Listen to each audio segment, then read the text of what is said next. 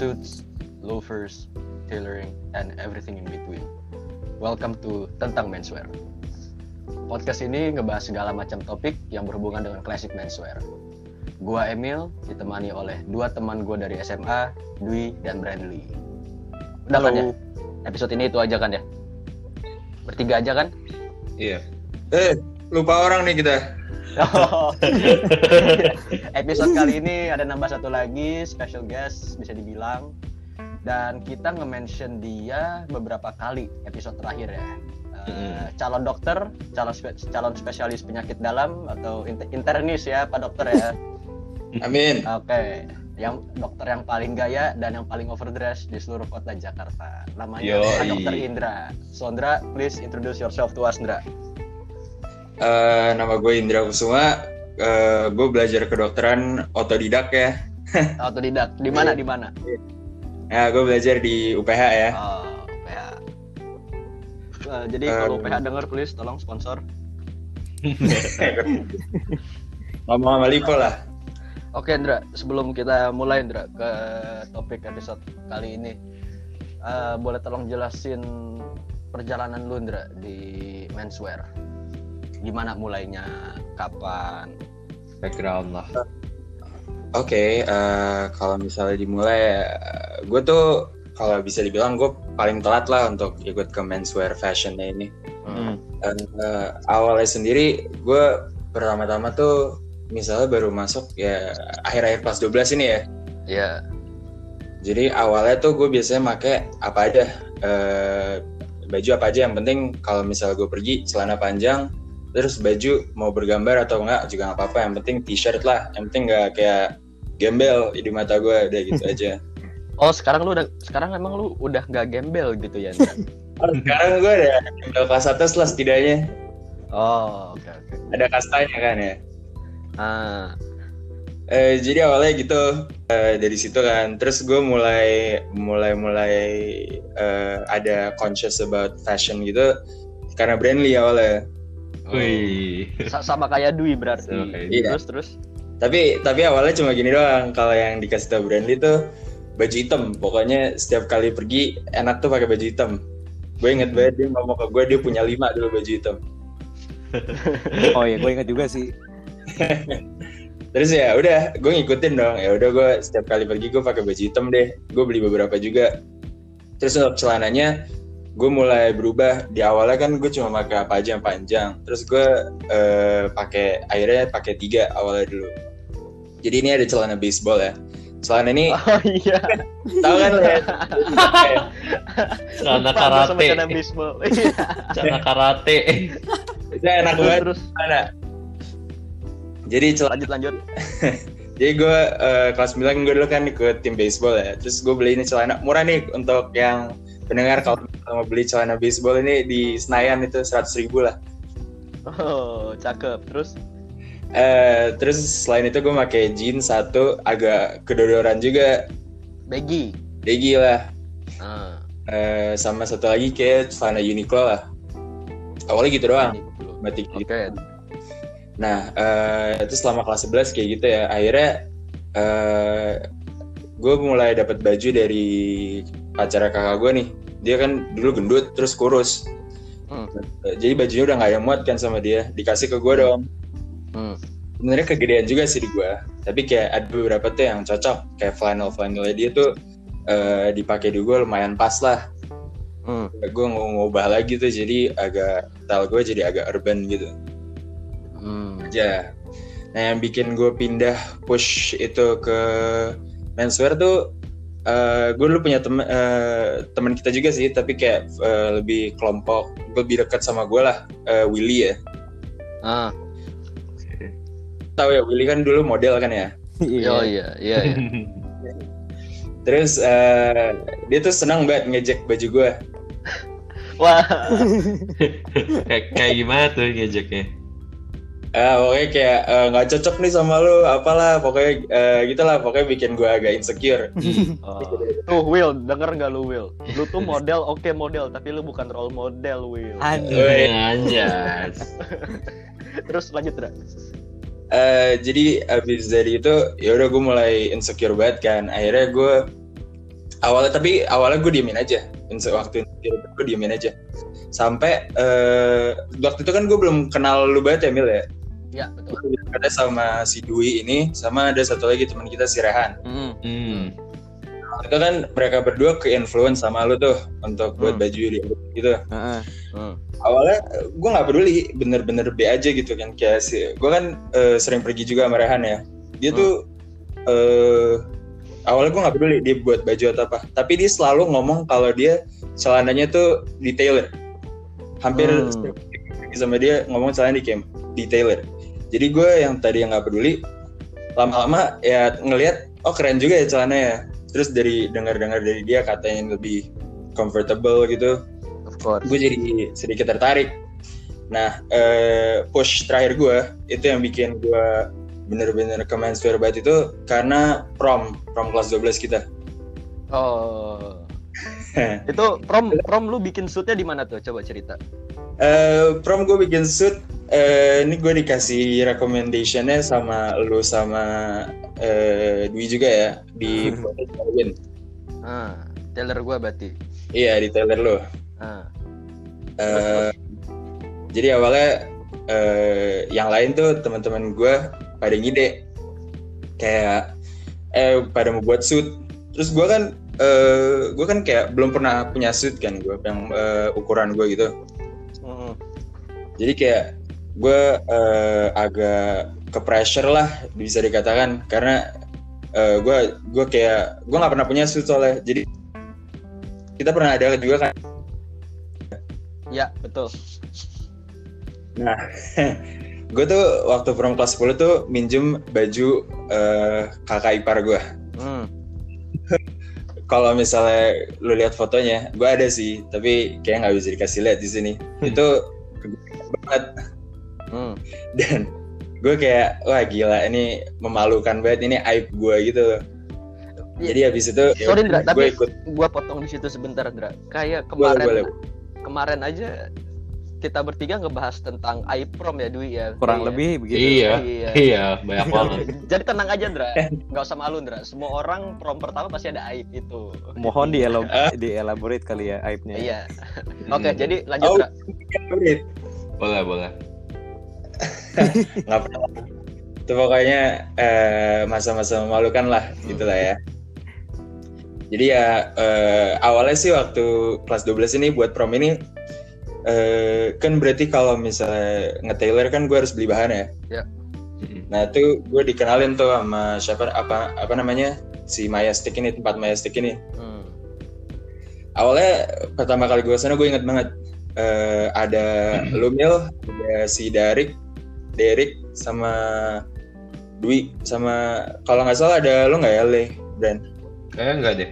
Ada, Kayaknya ada. Ada ya? Soalnya hari itu ada 10 orang, gue sampai pusing. ya Oh iya. Hari iya. Hah? hari itu ada 10 orang, gue sampai pusing. Kanan kiri. Oh. Mil, mil, lihat ini. Mil, Oh, Mil. oh iya iya iya iya. Oh iya, ingat ingat ingat ingat. Kanan kiri mil mal mil mal mil mal. Eh, dibilang gue pegawai majestic anjir mil mal mil mal mil mal kanan kiri pusing Am- gue. Amil, amil. Lanjut, Dra.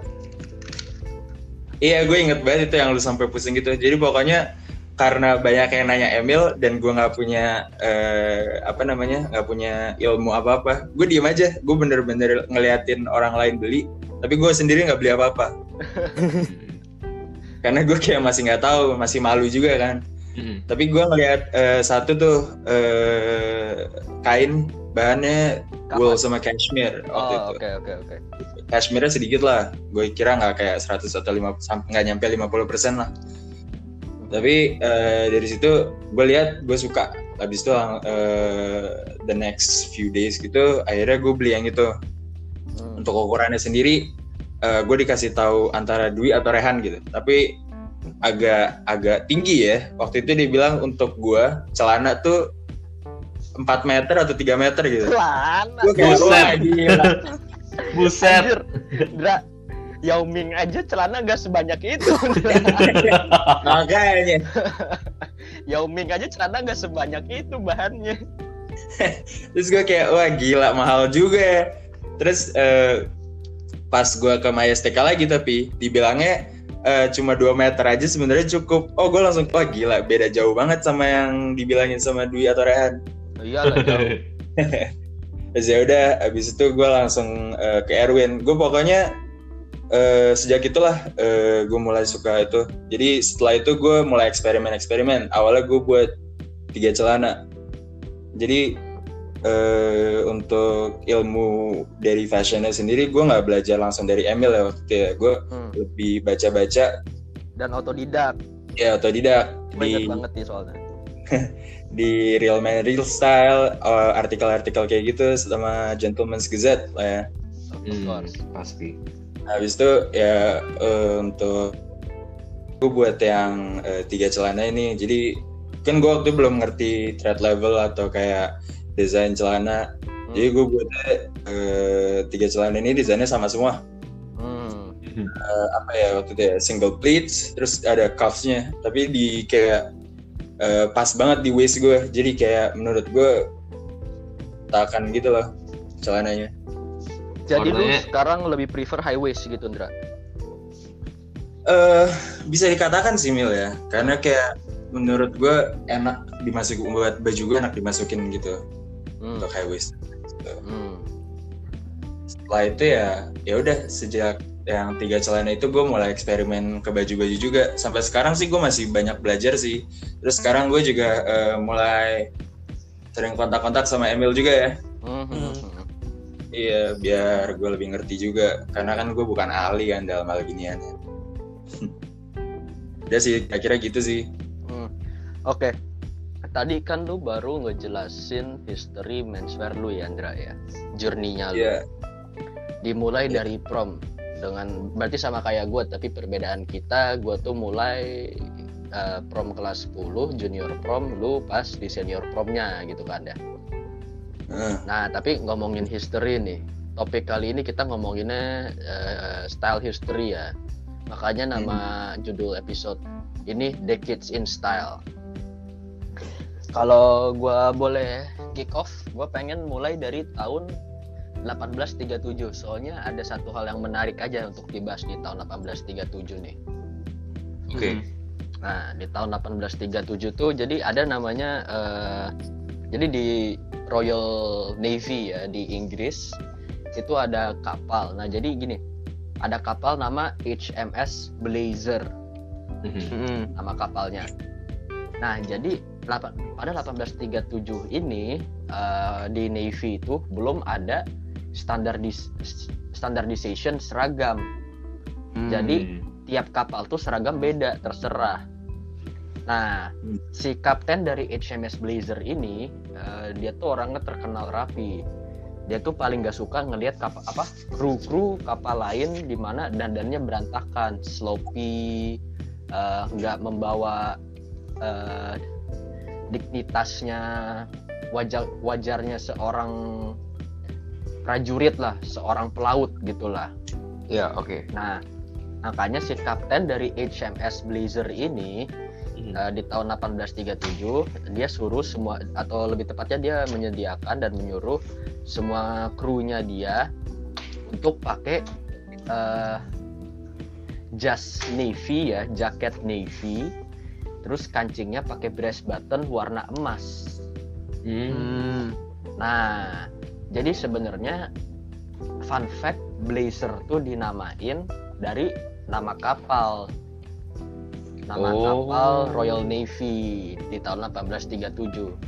Jadi eh, pada tahun selanjutnya 1838 eh, pokoknya pas Queen Elizabeth eh sorry Queen Victoria Ratu Victoria eh, visit tiap kapal dia ngelihat wah anggotanya HMS Blazer kok rapi-rapi sendirian keren banget ini gitu katanya Queen Victoria Hmm.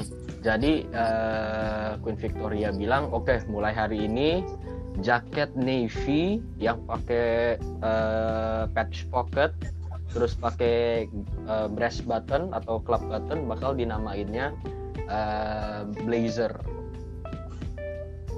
Hmm. Nah, Oh. jadi sebenarnya kalau kita ngomong kata blazer ya, kalau ngambil dari history ini sih sangat spesifik ya. Sports Iya. jacket, uh, gold button, breast button yang warna gold, terus harus warna navy. Hmm. Karena that's the first uh, History of Where Blazer Comes Part 2 gitu.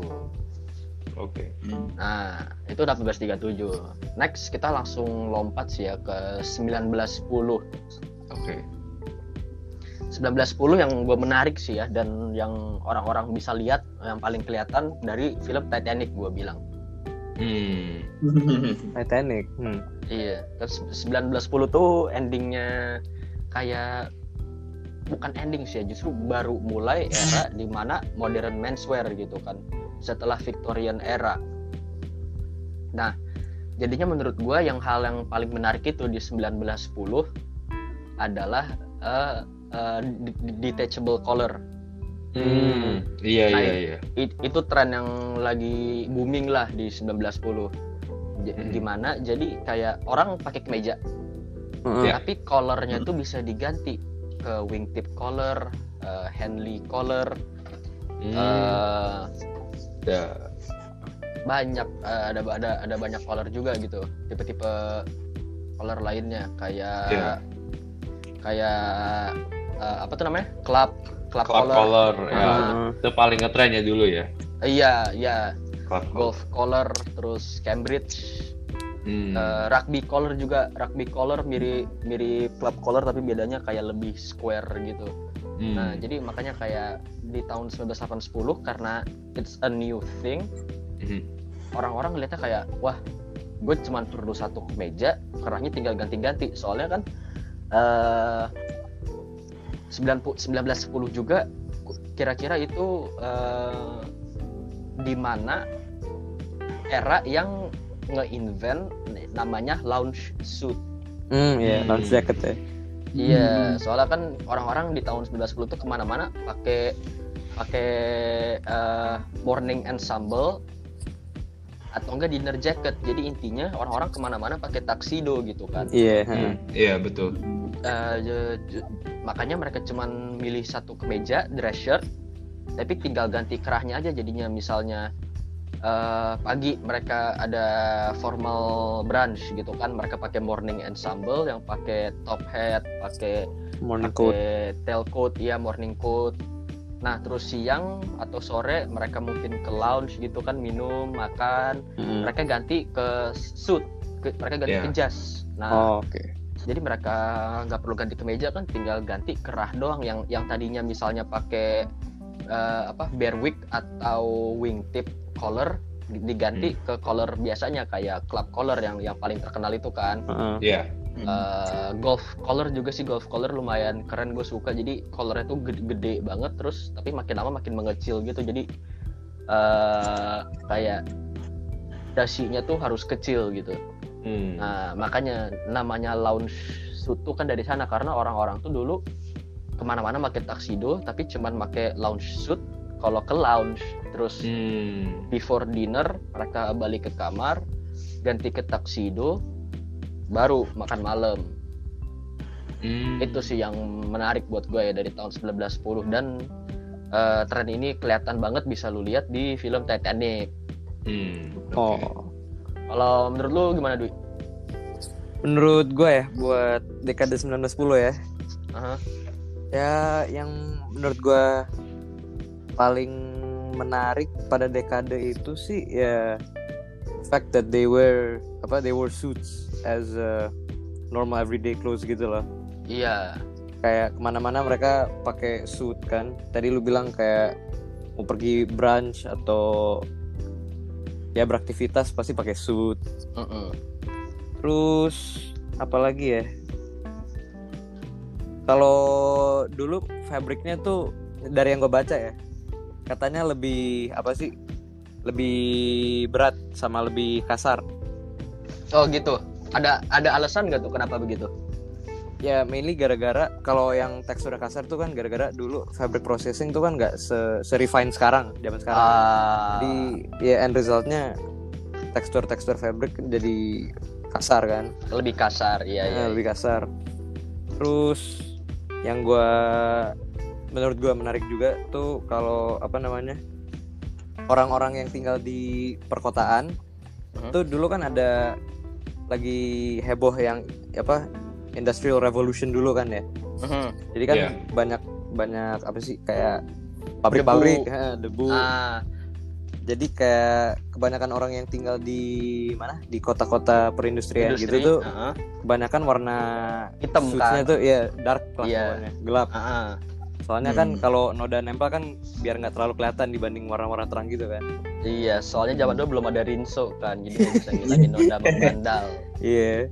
Terus ya sebaliknya yang tinggal di perdesaan pasti warnanya lebih lebih terang lah, Terang. terus lebih banyak pattern, terus biasanya sih katanya kalau nggak salah em, warna suit-suitnya tuh lebih earthy tones gitu loh, Hmm, kecoklatan, hijauan. karena Biru. nama juga country gitu ya. Iya, ya paling itu doang sih hal-hal yang menurut gue menarik dari dekade 1910. Kalau lu gimana, Li? Menurut gue sih yang juga menarik buat gue tuh P-Code ya. Hmm, ikut. soalnya kalau nggak salah 1910 ya baru baru mulai ngetren gitu. Hmm. Jadi Bisa dia jadi sih. iya, ini gue baru baca eh V-Code dia 1913 gitu ya, terus 1910 sampai 1913. Menurut gue sangat unik soalnya V-Code itu double breasted tapi eh, dia nggak sepanjang coat lain gitu, Hmm, sampai hip doang coat. kan. Iya. Hmm, hmm, hmm. dan P-Code buttonsnya emang banyak tapi sampai sekarang masih masih kepake gitu Heeh, heeh. Tapi yang gua menar yang gua suka ya dari Pico tuh eh, Mhm. asal asal usulnya tuh sama dengan blazer dari Iya. Navy Hmm. dan Hmm. lebih spesifik Navy-nya Belanda kan P itu Mm-mm. kalau nggak salah. Hmm.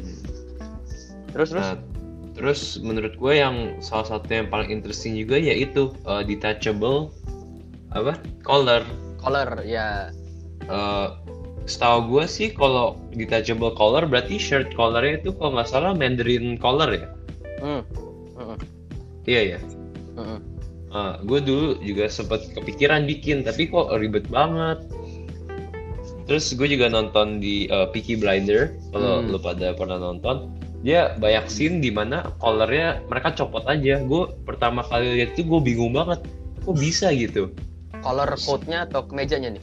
collar uh, kemejanya Oh, oke oke oke.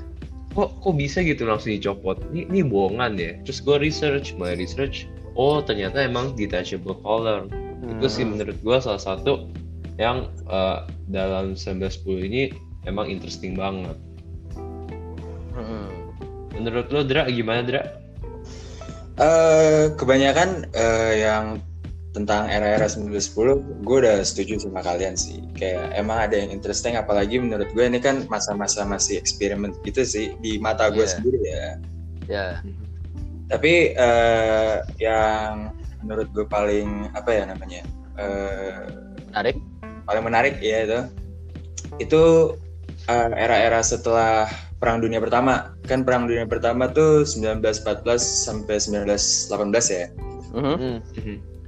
Nah, eh, pada masa itu tuh yang gue lihat tuh eh, kita bisa ngeliat kayak ada perubahan budaya dari eh, style baju, style fashion fashionnya untuk eh, menswear. Of course. Trench coat dari Perang Dunia Pertama kan. Iya. Burberry Burberry bikin untuk tentara Inggris di trench. yang terkenal Heeh. Terus untuk untuk suitnya juga eh, berubah kan. Jadi kayak yang gue baca nih ya, eh, correct if I'm wrong. Jadi misalnya eh tailornya tuh fitnya jadi nggak eh, lebih natural ke tubuh lo, nggak ada padded atau apanya gitu. Mm-mm, mm-mm. Menurut gue sendiri, gue lebih suka yang agak natural gitu sih. Walaupun emang bener eh, di mata, di pandangan orang mungkin kelihatan kurang manly kalau misalnya eh, kurang terstruktur bagian bahunya, tapi Mm, gue sendiri eh, ada ciri khasnya gitu loh kalau misalnya of course. nggak padded gitu. Ya itu aja sih menurut gue sih. Berarti lu taste-nya sama kayak gue, kita sama-sama suka soft tailoring gitu ya Andra ya? Iya bisa dikatakan. Ah. Tapi hal yang menarik ya satu lagi, mungkin orang-orang zaman sekarang tuh nggak pada tahu bahwa kalau coba kalau kita mikir lagi, hampir semua uh, baju yang kita pakai sekarang tuh datangnya dari military jadi ada ada Iya. military heritage-nya Heeh. Gitu. Heeh. Apalagi yang paling kaget buat gua tuh satu. Apa? Inventionnya topi pom pom tau nggak lu topi pom pom Apa tuh topi pom pom? Eh, lu tahu pom pom gak anting yang bulat yang fluffy gitu yang perempuan biasa make. Oh iya iya iya iya. Oh iya iya. nah eh, tahu kan pom pom jadinya? Mm-mm. nah jadi topi pom pom ini tuh kayak eh a beret hat tahu beret hat kan Mm-mm. nah Hmm. jadi ada pom pom di atasnya oh Hmm. nah itu namanya topi pom pom lu tau gak topi- pom pom datangnya dari mana Dari mana tuh? dari eh, navy atau atau ship crew-nya navy Prancis Oh iya. oh Iya. Jadi eh, Prancis itu dulu kapalnya kecil semua, kapal perang mereka itu kecil semua. Tapi eh, tentaranya tinggi-tinggi. Jadi di invent topi pom-pom buat apa? Jadi kalau mereka kepalanya kejedot, kalau lagi di eh, tight tight quarter di kapalnya, nggak Hmm. bakal begitu sakit soalnya kena pom-pomnya duluan. oh Oh. Iya, gue juga baru tahu kayak not so long ago. Kaget gue juga bacanya. Zaman Lucu sekarang juga. pom-pom banyak perempuan yang make, tapi dulunya dipakai sama tentara gitu. Hmm. Oke. Kaget gitu kan jadinya. Oke. Kayak kalau lihat lagi apa bahkan t-shirt pun kan dari militer. militer Kan? Heeh. Iya, Ya. Heeh. t-shirt, eh, trouser, pokoknya hampir semuanya kecuali jeans kan ya. Iya. Iya. Soalnya jeans di invent atau dibuat untuk miners kan. Hmm. Heeh, biar itu karena terkenal celana jeans itu terkenal durability-nya. Makanya kayak ada studs di kantong-kantong itu kan eh, itu di studs tersebut di kantong-kantong itu di stress point celananya. Jadi biar celana itu gak gampang robek. Hmm. oh Ah, dan untuk kejawab eh, long long live argument kantong kecil tuh di jeansnya gunanya buat apa? Mhm. Itu gunanya buat naruh pocket watch. Oh iya. Iya, itu gunanya buat naruh pocket watch. Kan banyak tuh yang argumen buat naruh koin, buat naruh kunci gitu kan. Iya. oh buat pocket watch Aslinya itu buat pocket watch. Kenapa? Soalnya ya dari tahun 9 awal di tahun 1910-an gitu. eh, Levi Strauss eh, ngeluarin celana tapi dia bingung yang beli kenapa eh, tukang tambang semua, miner semua. Hmm, Oke. Nah, tahu-taunya gara-gara celana dia itu kuat banget. Hmm. Nah, oh terus dia bingung kan cara nge-improve jeans tuh gimana? Dia tanya miners. Mhm. ini kalau improve gimana nih Eh, si Levi Strauss nanya kata minersnya oh sering robek di bagian paha di kanannya di jahitannya nah makanya ditambahin studs button yang besi-besi itu loh di daerah kantong oh Hmm. nah itu gunanya biar eh, nggak gampang robek celananya karena di studs tersebut itu stress point jeansnya nah terus eh, miners juga minta nambahin kantong kecil di atas kantong besarnya untuk naruh pocket watch Hmm. gitu Oke. Kalau moving on ke 1920s, gimana nih 1920s di menurut lu? Di?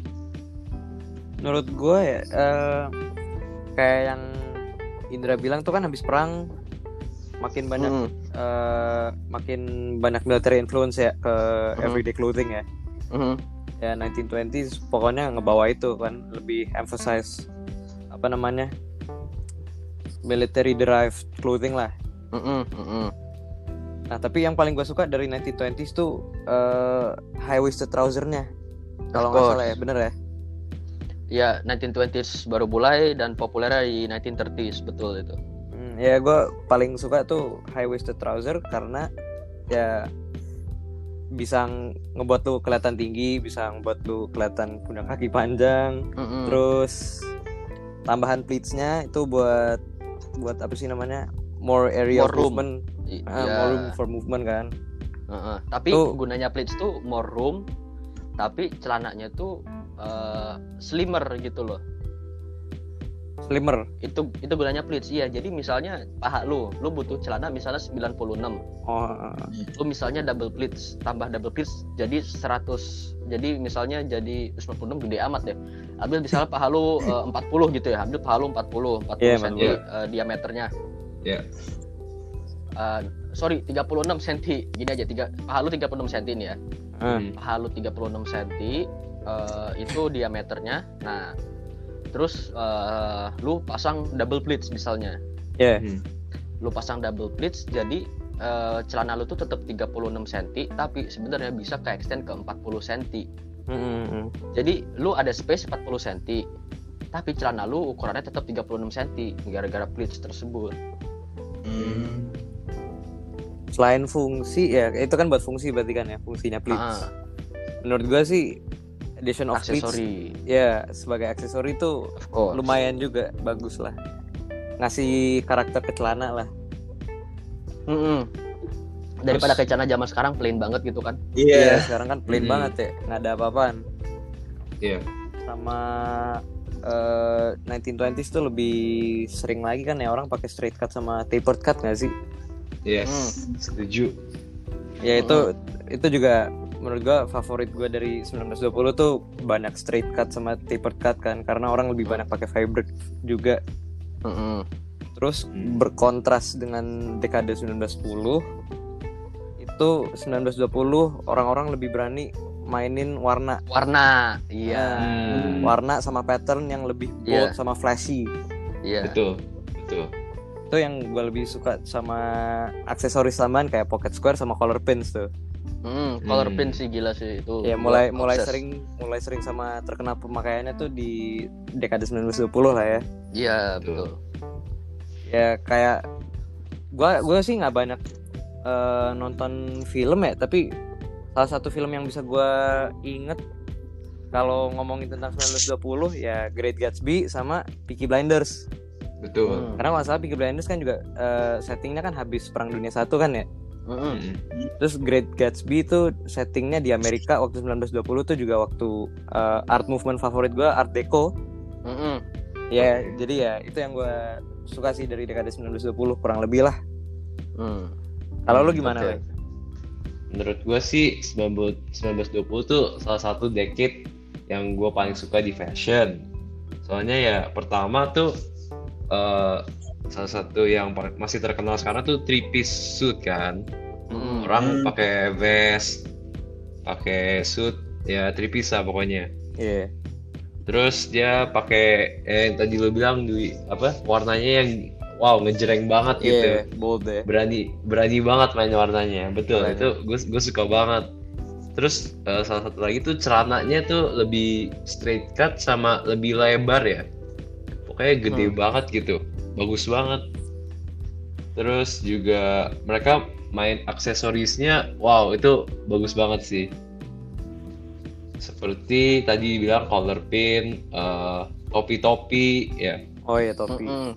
suspender, uh, bow tie, uh, apalagi pocket watch, cufflinks, wah banyak banget, banyak banget. Dan salah satu yang gue suka juga tuh mereka mainkan sepatu two tone color ya kalau nggak salah ya. oh, Oh. spek spectator shoe Iya, kayak derby tapi two tone gitu. iya spectator shoe Ah, ah, ah. itu kayak menurut gue Oh, iya, iya.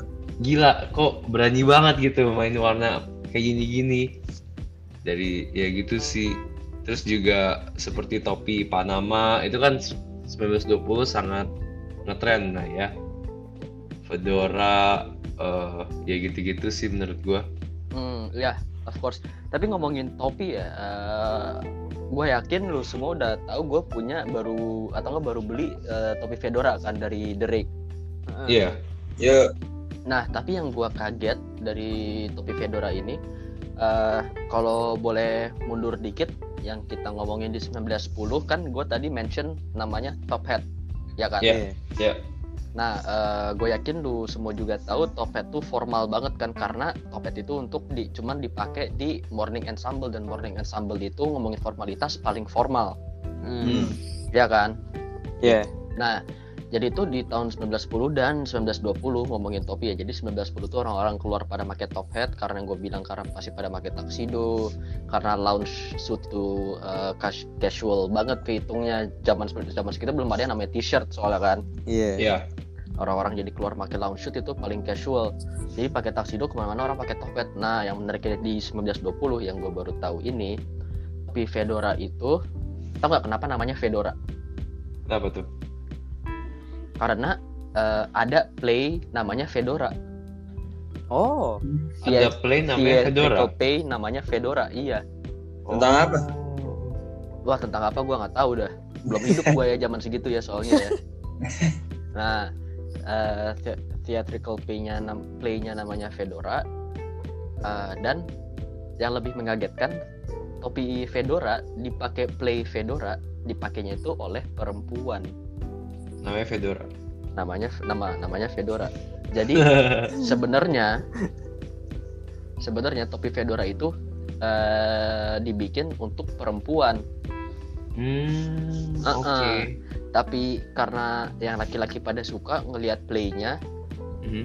eh, mereka pada beli fedora juga untuk dipakai di casual attire-nya mereka soalnya fedora tuh karena gak stiff karena bisa di snap bisa dibentuk jadi Hmm, itu iya. casual banget Oh. Hmm, nah dan yang lebih menarik buat orang-orang yang eh, kelas bawah ya. mereka Hmm. juga selalu beli fedora kenapa mereka cuma beli fedora soalnya ya yang pertama bisa di eh, function dari fedora bisa dibentuknya itu Iya. Mhm. dan yang kedua materialnya fedora karena materialnya fedora itu em, mostly dari eh, pada zaman tersebut dari beaver dari kulitnya beaver Heeh. Oke. karena bahannya natural sama topi gue juga natural Eh, apa fedoranya gue dari rabbit bukan rabbit ya bukan kelinci ya tapi rabbit Heeh, Rabbit. Ah. Apa apa? Ra Rabid. iya pakai D Apa itu? rabbit tuh eh, jadi dari apa namanya dari eh, dari da- dari wool kalau nggak salah ya Da- da- dari wool Hmm. tapi eh, di ini di apa namanya bukan digesek digesek sih jadi eh, kayak kayak serat wool nih ya Heeh. diambil terus digesek satu sama lain sampai Oh. mereka eh, nyatu dan gak bakal come Oh. apart lagi. Hmm. Nah, jadi ke- intinya kalau topi yang bahannya natural itu eh, water repellent. Hmm. Jadi makanya oke. orang-orang kelas bawah tuh beli fedora karena water repellent dan bisa di snap, bisa dibentuk gitu. Jadi more versatile buat orang yang low budget. Heeh. Hmm. Mm-mm. Terus terus lanjut. Eh, ya tadi kan gue udah ya menurut Indra sih sekarang sih penasaran sih. Penasaran ya tentang, Mm-mm. tentang opini gue. Gimana Ndra menurut lu, Ndra? Eh, menurut ini, menurut gue sendiri, ini dekade favorit gue ya Hmm. di masa ini. Semua orang berarti ya kecuali gua. Kayaknya gitu sih ya. Iya. Terus terus. Tadi kan udah dikasih tahu juga tentang eh yang Brandly ngomong sama Di juga ngomong tentang eh, bagaimana eh, warna-warna dressesnya eh outfitnya gitu menswear lebih Ngejreng. eh, lebih iya lebih mencolok lah untuk Hmm. mata orang-orang ya.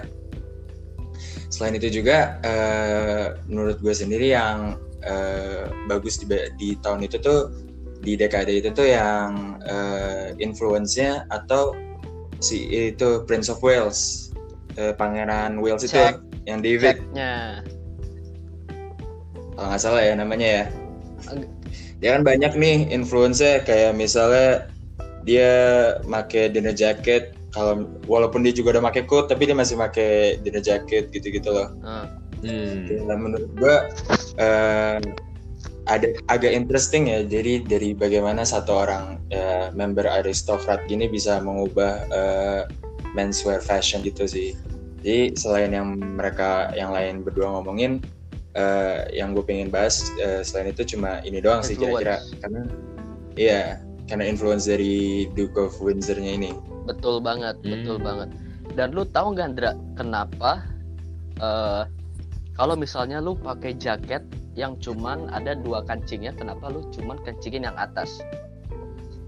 nah gue sebenarnya nggak tahu sih Mil Nah, jujur aja itu karena influence aristokrat juga, Ndra. oh iya Iya, jadi eh, dulu tuh gue lupa King Edward apa King George ketujuh, kalau nggak salah gue lupa di antara itu dua dah. Eh, Rajanya itu gendut banget. Hmm. Nah, si ra- si rajanya gendut, eh, tapi orang-orang pada suka, pada cinta sama nih raja karena dia tuh eh, people's leader banget gitu loh. Mm-mm. Hmm. He always gives back to the community, makanya semua orang suka sama dia. Nah, terus orang-orang pada sadar, Heeh. nah si raja kenapa cuman kancingin satu? Terus dia kalau pakai vest, kenapa kancing paling bawahnya itu nggak pernah dia kancingin? Hmm. Nah, terus eh, akhirnya orang-orang pada tahu eh, at the end bahwa karena rajanya tersebut gendut, eh, jadinya eh, out of respect karena sorry karena rajanya gendut, eh, rajanya milih nggak kancing yang paling bawah kan, kancing vest maupun kancing jas. Nah, makanya out of respect orang-orang tuh pada eh, ngelepasin kancing bawah mereka Hmm, oke. out of respect Terus Hmm, Nah. Oke. Jadi kan yang Indra bilang Indra mention tadi eh, influence aristokrat eh, karena semua orang pada cinta buktinya sampai sekarang kita masih begitu kan cuman satu kancing Mhm. doang nah tapi Iya. in modern day of course ada gunanya di mana eh, kalau kita kancing jas dua-duanya bakal ngerusak jahitan dari jasnya betul. dan Iya. Heeh. yang paling penting kalau kita lihat eh, how you say mannerism ya kalau kita lihat mannerism Mhm. kalau kita lihat mannerism eh, kayak di zaman di decades yang kita lagi ngomong sekarang Mhm. atau enggak kita bandingin sama mannerism sekarang kan kualitas bu- bukan bukan kualitas sorry standar mannerism tuh turun banget Betul. dunia lebih casual kurang formal lebih nyantai nah jadi eh, gini eh, zaman dulu tuh eh, orang yang pakai jas misalnya kita semua lagi dinner terus ada perempuan datang nah otomatis kita semua harus berdiri Iya. dan bukan Mm-mm. hanya berdiri tapi kita harus kancingin jas kita Hmm. Nah, makanya kalau kayak zaman sekarang kita berdiri, kita akan ngejulurin tangan kanan kita untuk salaman. Hmm. Lu kebayang nggak kalau lu pakai kancing, eh pakai jas yang yang kancingnya ada tiga, lu cuma lu ngancingin tiga-tiganya pakai tangan kiri sendirian. Oh Nah, iya. Pusing kan lu. Pusing. Benar benar. Makanya karena kenapa cuma sekarang satu selain nge-prevent eh, rusaknya jahitan. Eh, itu juga masalah mannerism jadi lu tuh expected untuk berdiri tiap kali nyapa orang kalau lu duduk soalnya kan of course kalau lu duduk kancing dibuka kan Yes. Iya. biar gak rusak nah pas lu berdiri lagi lu kancingin pakai tangan kiri lu yang cepet set gitu kan cuma satu kancing doang tangan kanannya lu over ke orang lain untuk salamin Oh. Nah, itu uh, uh, in- influence aristokrat yang pertama gue pengen omongin bahwa uh, kenapa kancing yang bawah tuh nggak pernah dikancingin. Nah, tapi Hmm. influence aristokrat kedua yang pengen gue omongin tuh masalah uh, Brandly tahu nih, gue nggak tahu kalau Dwi atau Indra tahu, tapi masalah uh, opera pumps. Hmm. Oh, gua tahu. pumps. Oke. Lo nggak tahu Dwi opera pumps Dwi? Agak Gue juga nggak tahu, gue juga nggak Oh lo tahu. nggak tahu. Opera pumps Oke. itu jadi uh, slippers, loafers, ya, Mm-mm. tapi untuk uh, taksido. Only. Tuxedo only. only iya Oh. nah jadi menariknya itu karena yang Indra bilang lu tadi mention siapa Indra Prince of Wales kan Indra ya Hmm, hmm. nah Indra tadi mention secara spesifik Prince of Wales dan yang lebih spesifik lagi dinner jacket kan Indra tadi lu mention kan Iya. nah si Prince of Wales ini tuh selain terkenal dari pattern Prince of Wales terkenal dari dinner jacket dia juga terkenal untuk nge-create trend selain trend dinner jacket yang dia buat apa jadi si Prince of Wales tuh lucunya gini sebenarnya loafers tuh di dekade segini dekade 1910-an itu ya Hmm, untuk ya. dipakai di rumah Mm-mm. makanya namanya slippers loafers karena apa ya Iya. slippers untuk lu pakai di rumah gitu loh bukan lu pakai Hmm. pergi Oke. Nah, si Prince of Wales decide karena dia suka sama model slippersnya gitu kan. Ah. Hmm. Dia bodoh amat orang gua Prince anjir mau gimana lagi. Gua datang ke acara pakai dinner jacket, dia pakai slippers.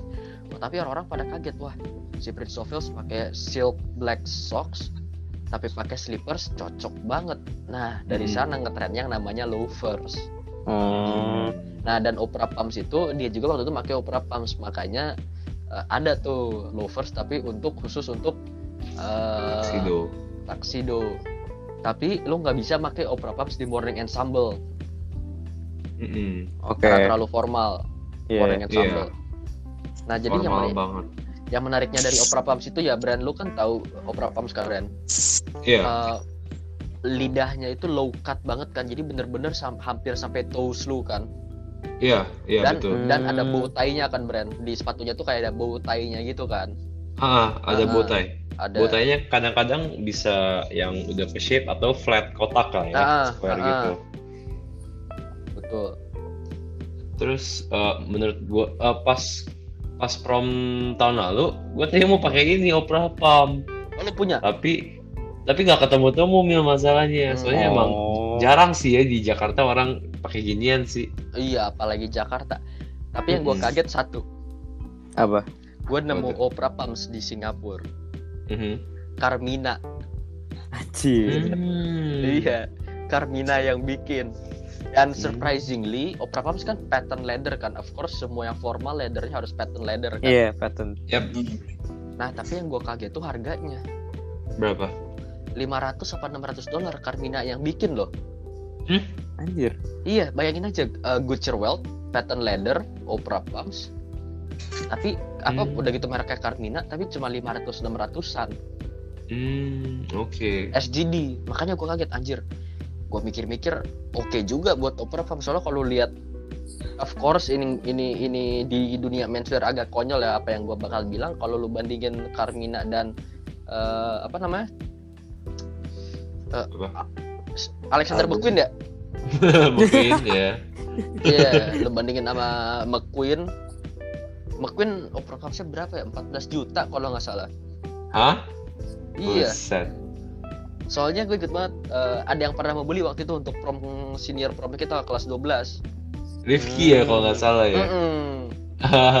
dia nanya gua kan nanya opini gua gimana mil wah gue sih suka banget sama sepatu yang kayak gini gue bilang Mm-mm. tapi masalahnya kalau gue sih nggak bakal comfortable nggak bakal pede pakai ini kenapa soalnya ini untuk pakai tuxedo untuk formal banget Mm-mm. Heeh, makanya gue bilang enggak gue sih nggak nggak ini banget nggak comfortable banget pakai ini tapi kalau lu beli silahkan dengan dengan zaman sekarang yang lebih terkenal nge-break eh, apa namanya? Dress code. Iya. ngebreak ngebreak dress code terus nggak apa kayak zaman sekarang kan style bodoh amat gitu loh. Itu. kalau gue suka gue pakai gitu. Makanya gue bilang lu beli silahkan aja. Tapi kalau lu tanya opini gue gue suka banget sama sepatunya gue pikir bagus modelnya tapi Mhm. eh, kalau lu pede pakainya beli aja why not karena sekarang Hmm. modern pakai apa aja cocok gue bilang gitu walaupun ngebreak dress code-nya Mm-mm. Mm-mm. Terus akhirnya dia juga belinya lebutong ya. iya sepatu durian kalau gue bilangnya Satu diri ya. Tapi eh, menurut gua kalau pertama kali gue lihat Opera Pumps itu kayak sepatu cewek ya. Pertama iya. kali lah. iya Karena low cut itu loh. Jadi betul. Jadi kelihatannya bener-bener lu pertama kalau lu pada cari ya pertama kali lihat tuh pasti Hah? kayak flat bukan satu cewek. Iya kayak flat Hmm. kayak suatu cewek. Tapi pas lu lihat orang pakai wah cocok banget. Pakai Nah. tuxedo gitu. Tahu nggak kenapa brand kenapa tuh? Ada alasannya kenapa Opera Pumps itu dibikin low cut kenapa tuh? Karena di 1920s dari 19 eh, sorry at the end of 1910 terus ke 1920s ke 1930s Hmm, tren yang stick di tiga dekade itu apa? Apa tuh? Straight cut untuk celana. Hmm. oh. Iya. bayangin celana straight cut banget jadi otomatis the cuff of the trouser diameter itu gede banget kan? Betul. Nah, jadi untuk nge-maintain siluet tertentu pada orang, siluet karena siluet itu terhitung karakteristik, Hmm, itu dia kenapa dibikinnya gede. Hmm. Apa sorry, kenapa dibikinnya low cut si Opera Pumps-nya? Karena celananya tuh gede banget. Jadi jadi itu zaman dulu celananya itu sampai ujung eh, Opera Pumps-nya Hmm, Oh. gitu.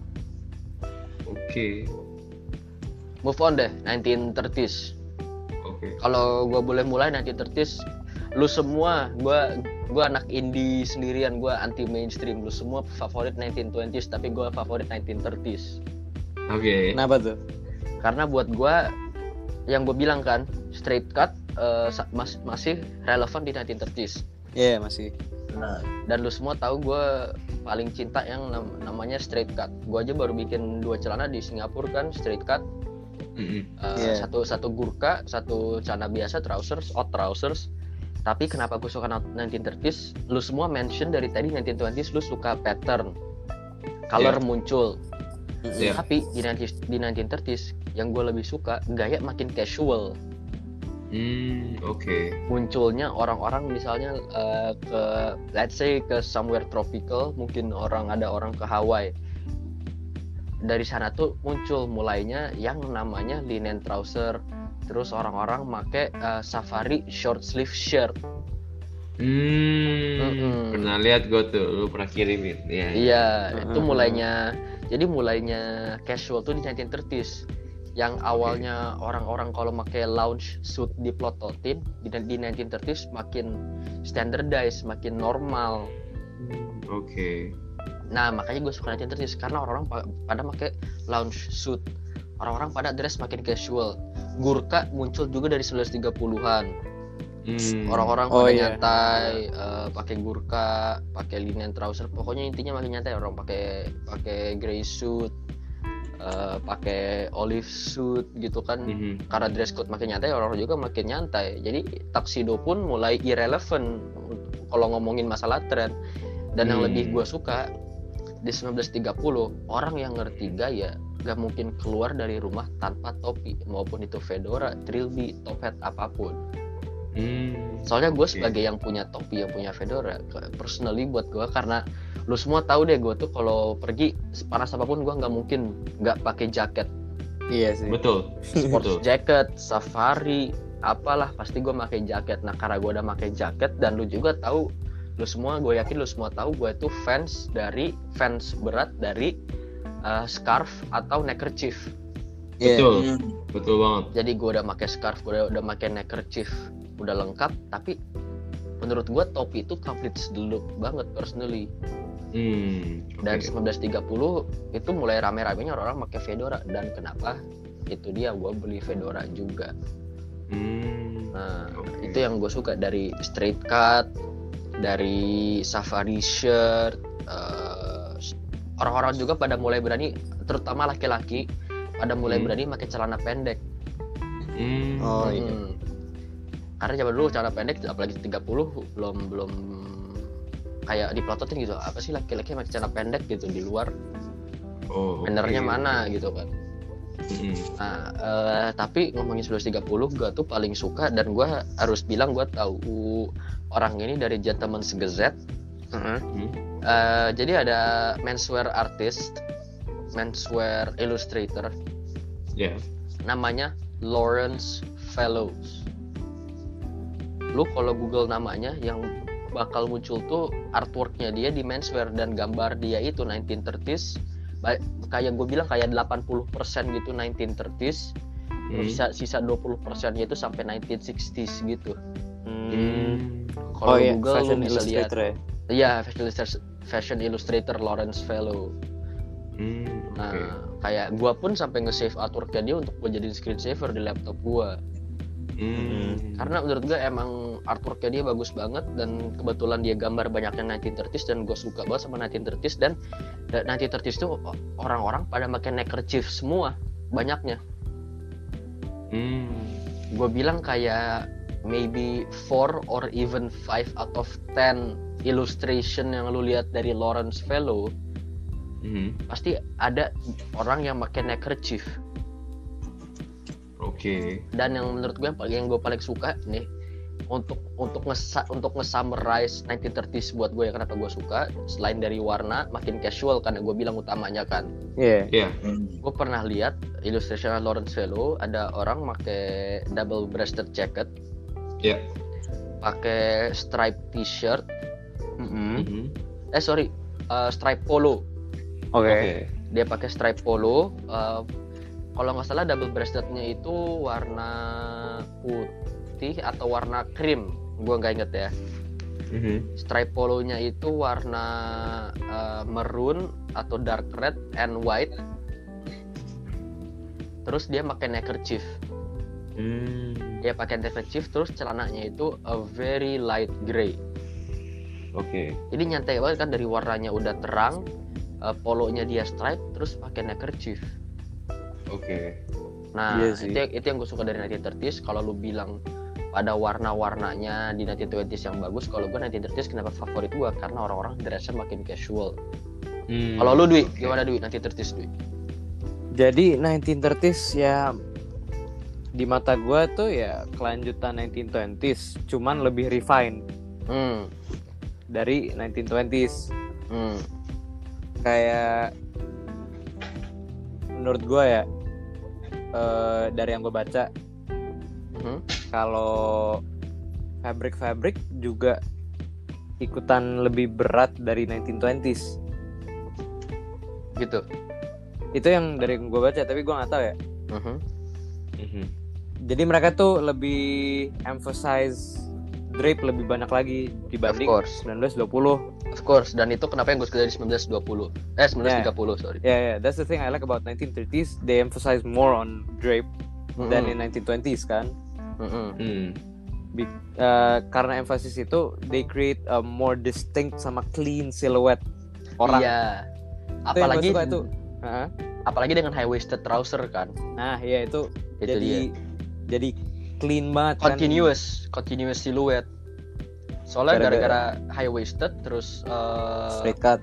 eh, ya straight cut dan eh, ininya eh, apa namanya buttonnya mereka itu placingnya mid button atau Oh. high button Ya higher ya. makanya Iya. jadi siluetnya itu eh, seakan-akan the, the the jacket and the trousers itu nyambung Iya, iya. makanya siluetnya bagus gue setuju banget terus Terus another thing sih eh, kebanyakan jackets di tahun 1930 dibuat lebih broad di apa di shouldernya mm-mm, sama mereka juga masih maintain itu kan ya eh, lepel-lepelnya yang tebelnya ya tebel Hmm. banget lah mm. Mhm. gue suka tuh terus selain itu sih gue juga sempat ngelihat ilustrasi ilustrasinya Lawrence Fellows ya mm. Jujur gue sering banget ngeliat ilustrasinya dia cuman gue nggak tahu namanya sampai tadi lu bilang itu. Mm. dan gue emang udah sempet ngeliat ilustrasi ilustrasinya dia tahun 1930-an kan ya? Mm. gue pernah lihat satu tuh emang kayaknya dia suka ngegambarin 1930s in a nutshell gitu macamnya iya.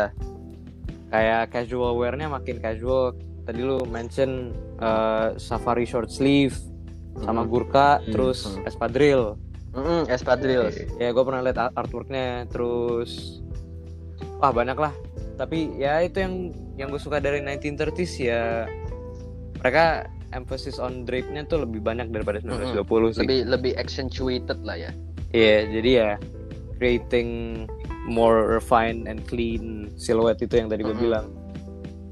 Tapi ya itu doang sih menurut gue yang menarik dari Hmm. 1930 ya. Hmm. Kalau Brandly tuh gimana tuh? Hmm, menurut gue sih 930 yang salah satu yang gue paling suka tuh patternnya tuh lebih bold ya. Mm. Soalnya mereka uh, pakai window pane, stripes, checks, and herringbone pattern lah ya. Mm. Itu gue sampai sekarang emang cinta banget. Apalagi window panes, ya gue cuma ada satu, susah banget cari uh, patternnya nih di Indo. iya emang. menurut gua sih. Terus juga em, 1930 vest mereka mulai makin gimana ya? Makin eh, Makin jarang dipakai. enggak bukan makin jarang malah makin bagus gitu. Biasanya Oh, 1920 tuh jack eh, apa? Vest. vestnya tuh cuman paling eh, batanya di tengah lah ya oh ya. Kalau kalau di mulai 1930 gue lihat tuh vestnya udah kayak uh, buttonnya di kiri kanan. Oh mulai beragam. double breasted Oh, oh, double breasted jadi ada 5 to 6 buttons lah for the vest only. Ah. Menurut gue tuh wow itu bagus banget. And salah satu I want to point out uh, kalau pada nyadar itu uh, suit jacket ada backnya jadi ada garis di belakangnya tuh Vent ya. Bukan bukan vent kayak kayak apa ya di belakang ini lu coba cari belakang di mananya di, di punggungnya di pinggangnya di di pinggang daerah Oh, pinggang berarti belted belted suit Mm-mm. Oh. jacket. Iya, itu, Belakangnya. itu emang common banget untuk di countryside untuk karena itu uh, hitungan sports jacket itu bisa dipakai untuk hunting. Iya, ya terus. Hmm, oke. Iya itu itu gue pertama kali lihat itu gue bingung kok orang pakai ginian ini apaan? Tapi gue lihat lagi bagus banget gitu. Belakangnya jadi makin gimana ya makin jadi sih. Ya clean clean betul. Terus gue juga suka pas eh, 1930 tuh sports coat menjadi lebih eh, trending. Hmm, hmm, hmm. Jadi sports coat eh, lebih banyak eh, katanya sports coat tuh lebih banyak warna daripada eh, apa? Suit biasa blazer yang biasa gitu. Karena lebih Jadi, casual. Heeh, warnanya lebih banyak dan lebih lebih banyak model karena ya tadi balik lagi ke Emil lebih casual. Hmm. Salah satu yang gue suka ya menurut gue sih itu sih 1930. Oh juga em, trench eh, trench coat ya trench coat sama coat coat zaman 1930 tuh eh, very well known karena mereka dipakai eh, oleh detektif Hmm. detektif untuk solving crime lah jadi kayak emang terkenal gitu ya sih Hmm. menurut lu Dra gimana Dra? Hmm, gue mau bilang aja nih, gue setuju sama kata Dwi tadi yang awalnya kalau misalnya 1920s tuh eh, basically kayak janinnya, sedangkan 1930s tuh eh, kalau udah matang lah ceritanya gitu ya, Hmm. bisa dikatakan. Hmm. gue mau nambahin aja nih, eh, Emil kemarin kita kita tadi bahas juga Emil ya eh, sebelum podcastnya eh, ngomong tentang drip cut kan Mil ya, Rip cut. Drape. drip cut. Oh, drape cut. Iya, iya, iya, iya, drip cut. Iya, iya, iya, iya. Nah, kalau rape cut mah eh, na- na- jadi napi dah gue. eh, pokoknya, eh, drape cut ini walaupun personally gue sih kurang suka ya karena kebetulan badan gue tuh agak eh, bisa dikatakan agak gede ya jadi Ya, kurang eh, terbentuk. Tunggu, biar ada konteks, Dra. Tadi untuk biar lebih spesifik, drip yang kita omongin suppress waist, Dra. Iya itu gue Ah. mau ngomong ke situ nih Heeh. Jadi eh, sebelum gue ngomong ke situ maksud gue gue sendiri kurang suka tapi kalau dari yang eh, 1930 sendiri eh, apa namanya itu kan salah satu one of the most eh, apa ya yang bisa recognizable dari 1930s itu yang drape cut ini yang suppress waist ini sebenarnya gue kurang suka bukan karena menurut gue jelek atau apa tapi karena badan gue eh, kurang terbentuk aja buat eh, cut itu ya Hmm. Nah, selain itu dari era 1930 sendiri nih yang kalian ingat dan juga pasti belajar ya. Eh, ini kan ada namanya Great Depression ya Ya. pada zaman ini. Ya, Ya. of course. Nah, eh gue nggak ada banyak eh, ciri-ciri khasnya gitu tentang Great Depression. Eh, Kira-kira fashionnya kayak gimana? Namun dari 1930 sendiri yang gue inget dari Great Depression yang paling bagusnya itu itu adalah how accessible eh, apa namanya fashionnya ini juga eh, mengikuti eh, orang-orang kelas bawah juga Oh.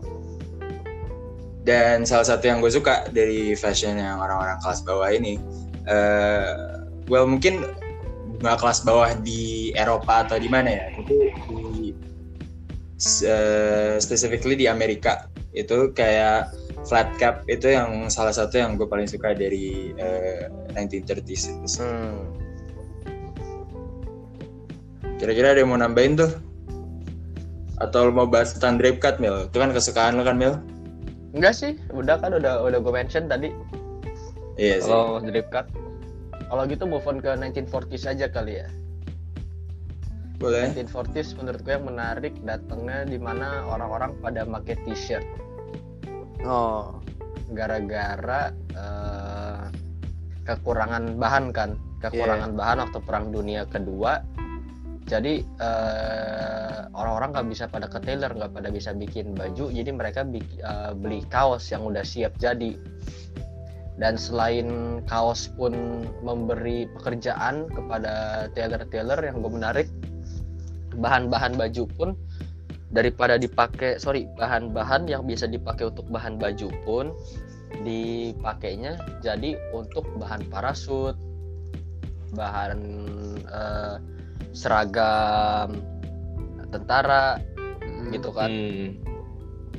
makanya itu yang gue suka dan gue bilang menarik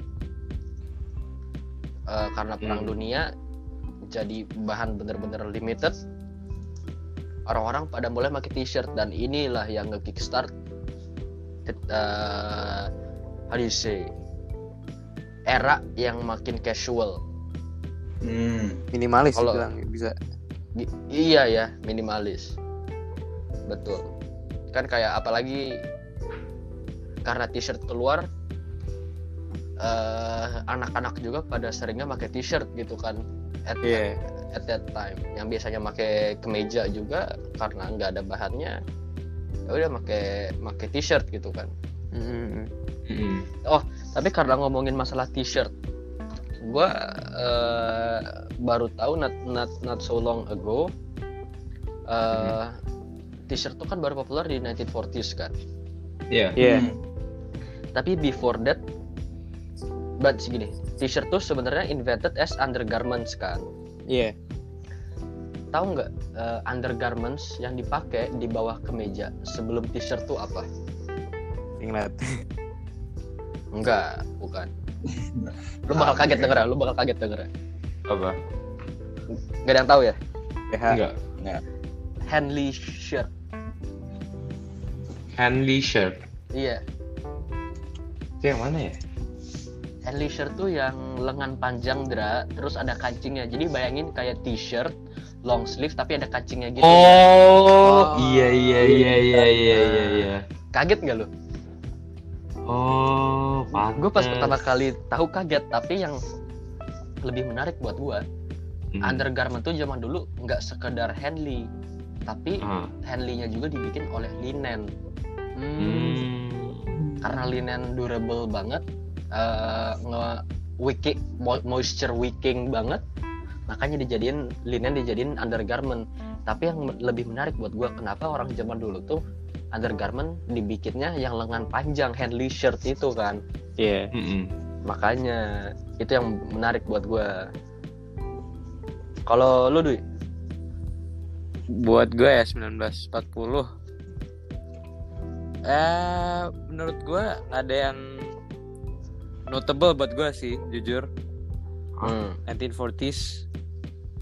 Uh, Hmm. Other than the fact apa that ya pada dekade itu kan baru selesai perang ya 1945.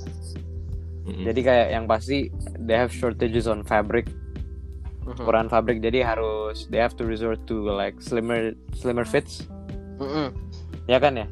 Ya, Gara-gara betul kekurangan ya. fabrik. Nah, terus yang yang menurut ya paling nggak satu hal yang menarik dari 1940 tuh kalau lu nge-tailor suit lu biasanya kan gara-gara shortages in material habis perang itu biasanya shoulder padding tuh kan berkurang juga tuh Mhm. Mhm. dari yang terus, gua baca terus terus kalau lu ini di ini konteksnya kita ngomong di Amerika ya ya ya kalau orang nge-tailor baju mereka, suit mereka, Hmm. terus ngelebihin eh, apa namanya shoulder padding yang di ration ke mereka ataupun any fabric materials yang berlebihan daripada yang mereka di ration gitu, Hahaha. eh, mereka tuh bisa dianggap unpatriotic. Oh, So- jadi so ada social frowned upon. normnya. Yeah, it's frowned upon if you apa use more fabrics than your ration. Oh, keren keren keren keren keren. Oke oke oke oke. Hmm. Itu doang sih yang menurut gue menarik dari tahun 1940 ada social norms dari fashion gitu loh. Of course, of course. Hmm, Oke. Kalau Brandly gimana nih tanggapannya? Menurut gue sih 1940s juga salah satu um, decades yang gue juga suka ya di fashion. Soalnya eh apa? Orang-orang mulai casual emang, tapi ada beberapa baju yang kita bisa lihat sampai sekarang masih kepake. Misalnya tuh camp collar bisa dibilang ya. Mm-mm.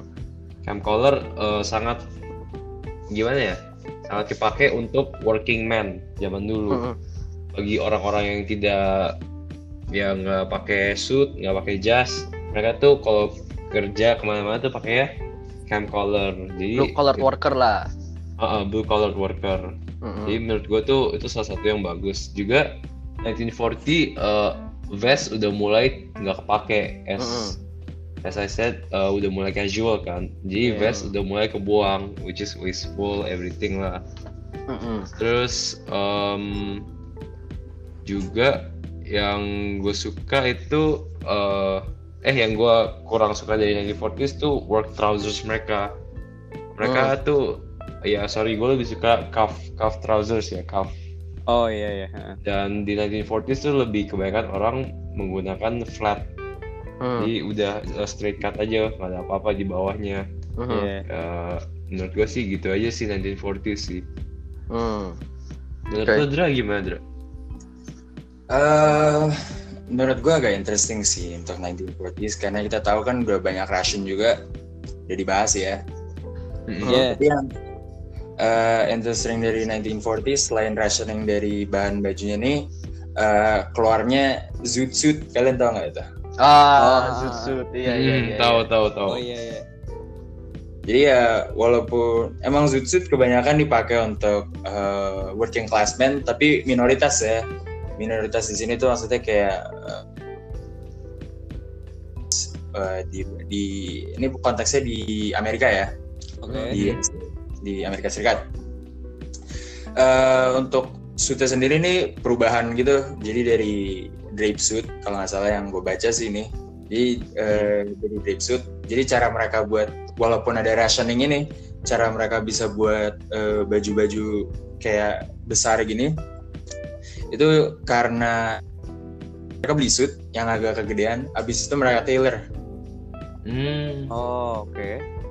tapi itu yang gue baca ya ini mungkin eh, bisa di fact check tapi ya jadi eh, yang interesting dari ini nih karena eh, banyak yang pakai minoritas juga Mhm. Mhm. ya eh, ke yang digunakan karena fabriknya yang digunakan excess dari yang di ration ini ini berhubungan sama yang di ngomong tadi itu Oh heeh. yang unpatriotic Yeah. kalau misalnya masih lebih dari rasionnya itu itu menyebabkan ada eh, apa namanya kerusuhan kerusuhan Hmm. sosial Kan di soalnya Las- ada soalnya kan ada zoot suit riot kan. iya Heeh. Itu lucu aja menurut gue nah Hmm. untuk eh, ya menurut gue kalau 1940 sendiri yang paling identifiable itu sih ya Mm. Eh, selain itu agak interesting aja menurut gue untuk point it out kalau misalnya eh, ini penting nih menurut gue karena budaya fashion gitu yang gue gue punya kayak eh, ide sendiri gitu jadi kalau eh, kan lo tau kan binatang sama makhluk hidup itu biasanya beradaptasi ke lingkungannya Mm-mm. tergantung pada resource gitu atau sumber Mm-mm. sumber yang ada sumber daya alam ada gitu misalnya makanan kurang jadinya dikurangin Nah, ini juga eh, apa namanya ada koneksinya ke fashionnya kita juga nih kan Of course. Hmm. nah itu menurut gue per- perlu banget itu di point out jadi kayak ada eh, fashion menswear itu beradaptasi ke dalam masa yang susah ini di World Mm-mm. War II itu Hmm. itu aja sih dari gue Tapi kalau gue boleh ngomong ya dari tadi gue tuh nggak mention dua hal karena gue penasaran kalau di antara lu bertiga bakal ada mention eh, dua hal ini nih. Oke, apa, Apa? itu? Ya hal yang pertama ya eh, yang bikin gue sedikit kaget, Dwi nggak mention dari tahun 40-an eh, di mana popularizationnya of field jacket Hmm. Oh iya. itu kan Oh, Ah, favorit iya. lu banget Dwi field jacket eh, ya M65 field jacket gitu kan. Iya iya. Tapi- ya gua Hmm, mungkin apa sih namanya? Masih simpen itu buat lain waktu lah. Hmm, oke, fair enough. Tapi yang gue lebih kaget di antara lu bertiga nggak ada yang mention bomber jacket. Emang bomber jacket 1940s ya Bomber jacket 1940s, Dra. Kan derive kayak dari bomber crew-nya itu sih Perang Dunia 2 emang sih. Iya, iya. Hmm. ap- Cuma- apalagi Dra, apalagi itu bomber jacket, Dra. Mm-mm. A2 bomber jacket bukan sekedar derive dari bomber crew aja Ndra tapi A2 bomber jacket itu kan bomber jacket itu sebenarnya ada ada ada, ada banyak ya ada A1 A1 tuh pakai kancing A2 pakai Hmm. sleting ada G1 kalau G1 itu nggak ada kerah tapi neck band. Jadi di lehernya itu karet. Bayangin kayak turtleneck. Nah Baru kalau kalau A1 pakai kancing itunya sleting. Kalau salah atau masalah beda kantongnya gue lupa deh kalau udah varian eh, E-nya tapi yang menarik tuh eh, A1 sorry A1 ini tuh A1 bomber jacket ini tuh dipakai oleh kru bombernya dan pilot-pilot Hiroshima dan Nagasaki Hmm. Nah, yang bikin mereka A1 bomber jacket tuh selain set selain zipper dan kantongnya itu dan uh, a very high cut for a jacket ya kan mereka uh, they end below the waist kan Iya. to ensure the movement of the pilot. Kenapa kalau mereka crash landing, mereka survive, mereka perlu gerak uh, perlu gerak banyak kan. Iya. Makanya nggak oversize, makanya di atas atau atau uh, cutnya itu di uh, waistnya mereka. Nah, Hmm. tapi hal yang menarik buat gue yang bikin otentik namanya A1 bomber jacket ini tuh Hmm. uh, kerahnya yang bisa lu attach atau detach yang namanya faux uh, apa faux fur collar. Hmm. Hmm. Jadi uh, kayak bulu palsu atau mungkin bulu bulu binatang asli kali ya ditempel ke kerahnya. Soal zaman dulu kan uh, bomber atau pesawat sih itu kan uh, mereka harus terbang tinggi tapi uh, kebuka dengan kebuka Iya. jendelanya kebuka jadi dingin banget kan altitude tinggi mereka kedinginan makanya A1 bomber itu dibikin dibikin dari kulit sleting dan kerahnya bisa dipasang atau copot uh, bulu binatang Hmm. Oke. itu dia Aslinya Itu sih yang eh, apa namanya? mak- kenapa gue tadi bilang gue simpen ya lu lu udah apa namanya? Udah ngebahas kurang lebih historinya eh apa bomber jacket lah ya sama field jacket. Field jacket sih belum gue sentuh ya Ya field jacket lu belum sentuh. Cuman gue maksud gue simpen tuh mau gue bahas di tahun 1950 tapi kayaknya kita sih kurang waktu ya. oh iya iya iya udah Iya sih. udah kelebihan kita ya Eh, makanya uh, I think that's all for part one uh, for decades in style mungkin kita lanjut uh, ngomongin starting from 1950s di episode selanjutnya Hmm. Hmm. Uh, di episode 2 ba- kita bakal ada Pak Dokter Indra lagi di episode 2 so stay tune. Dan uh, tunggu episode 2 kita. Thank you very much Oke. for listening. Thank you.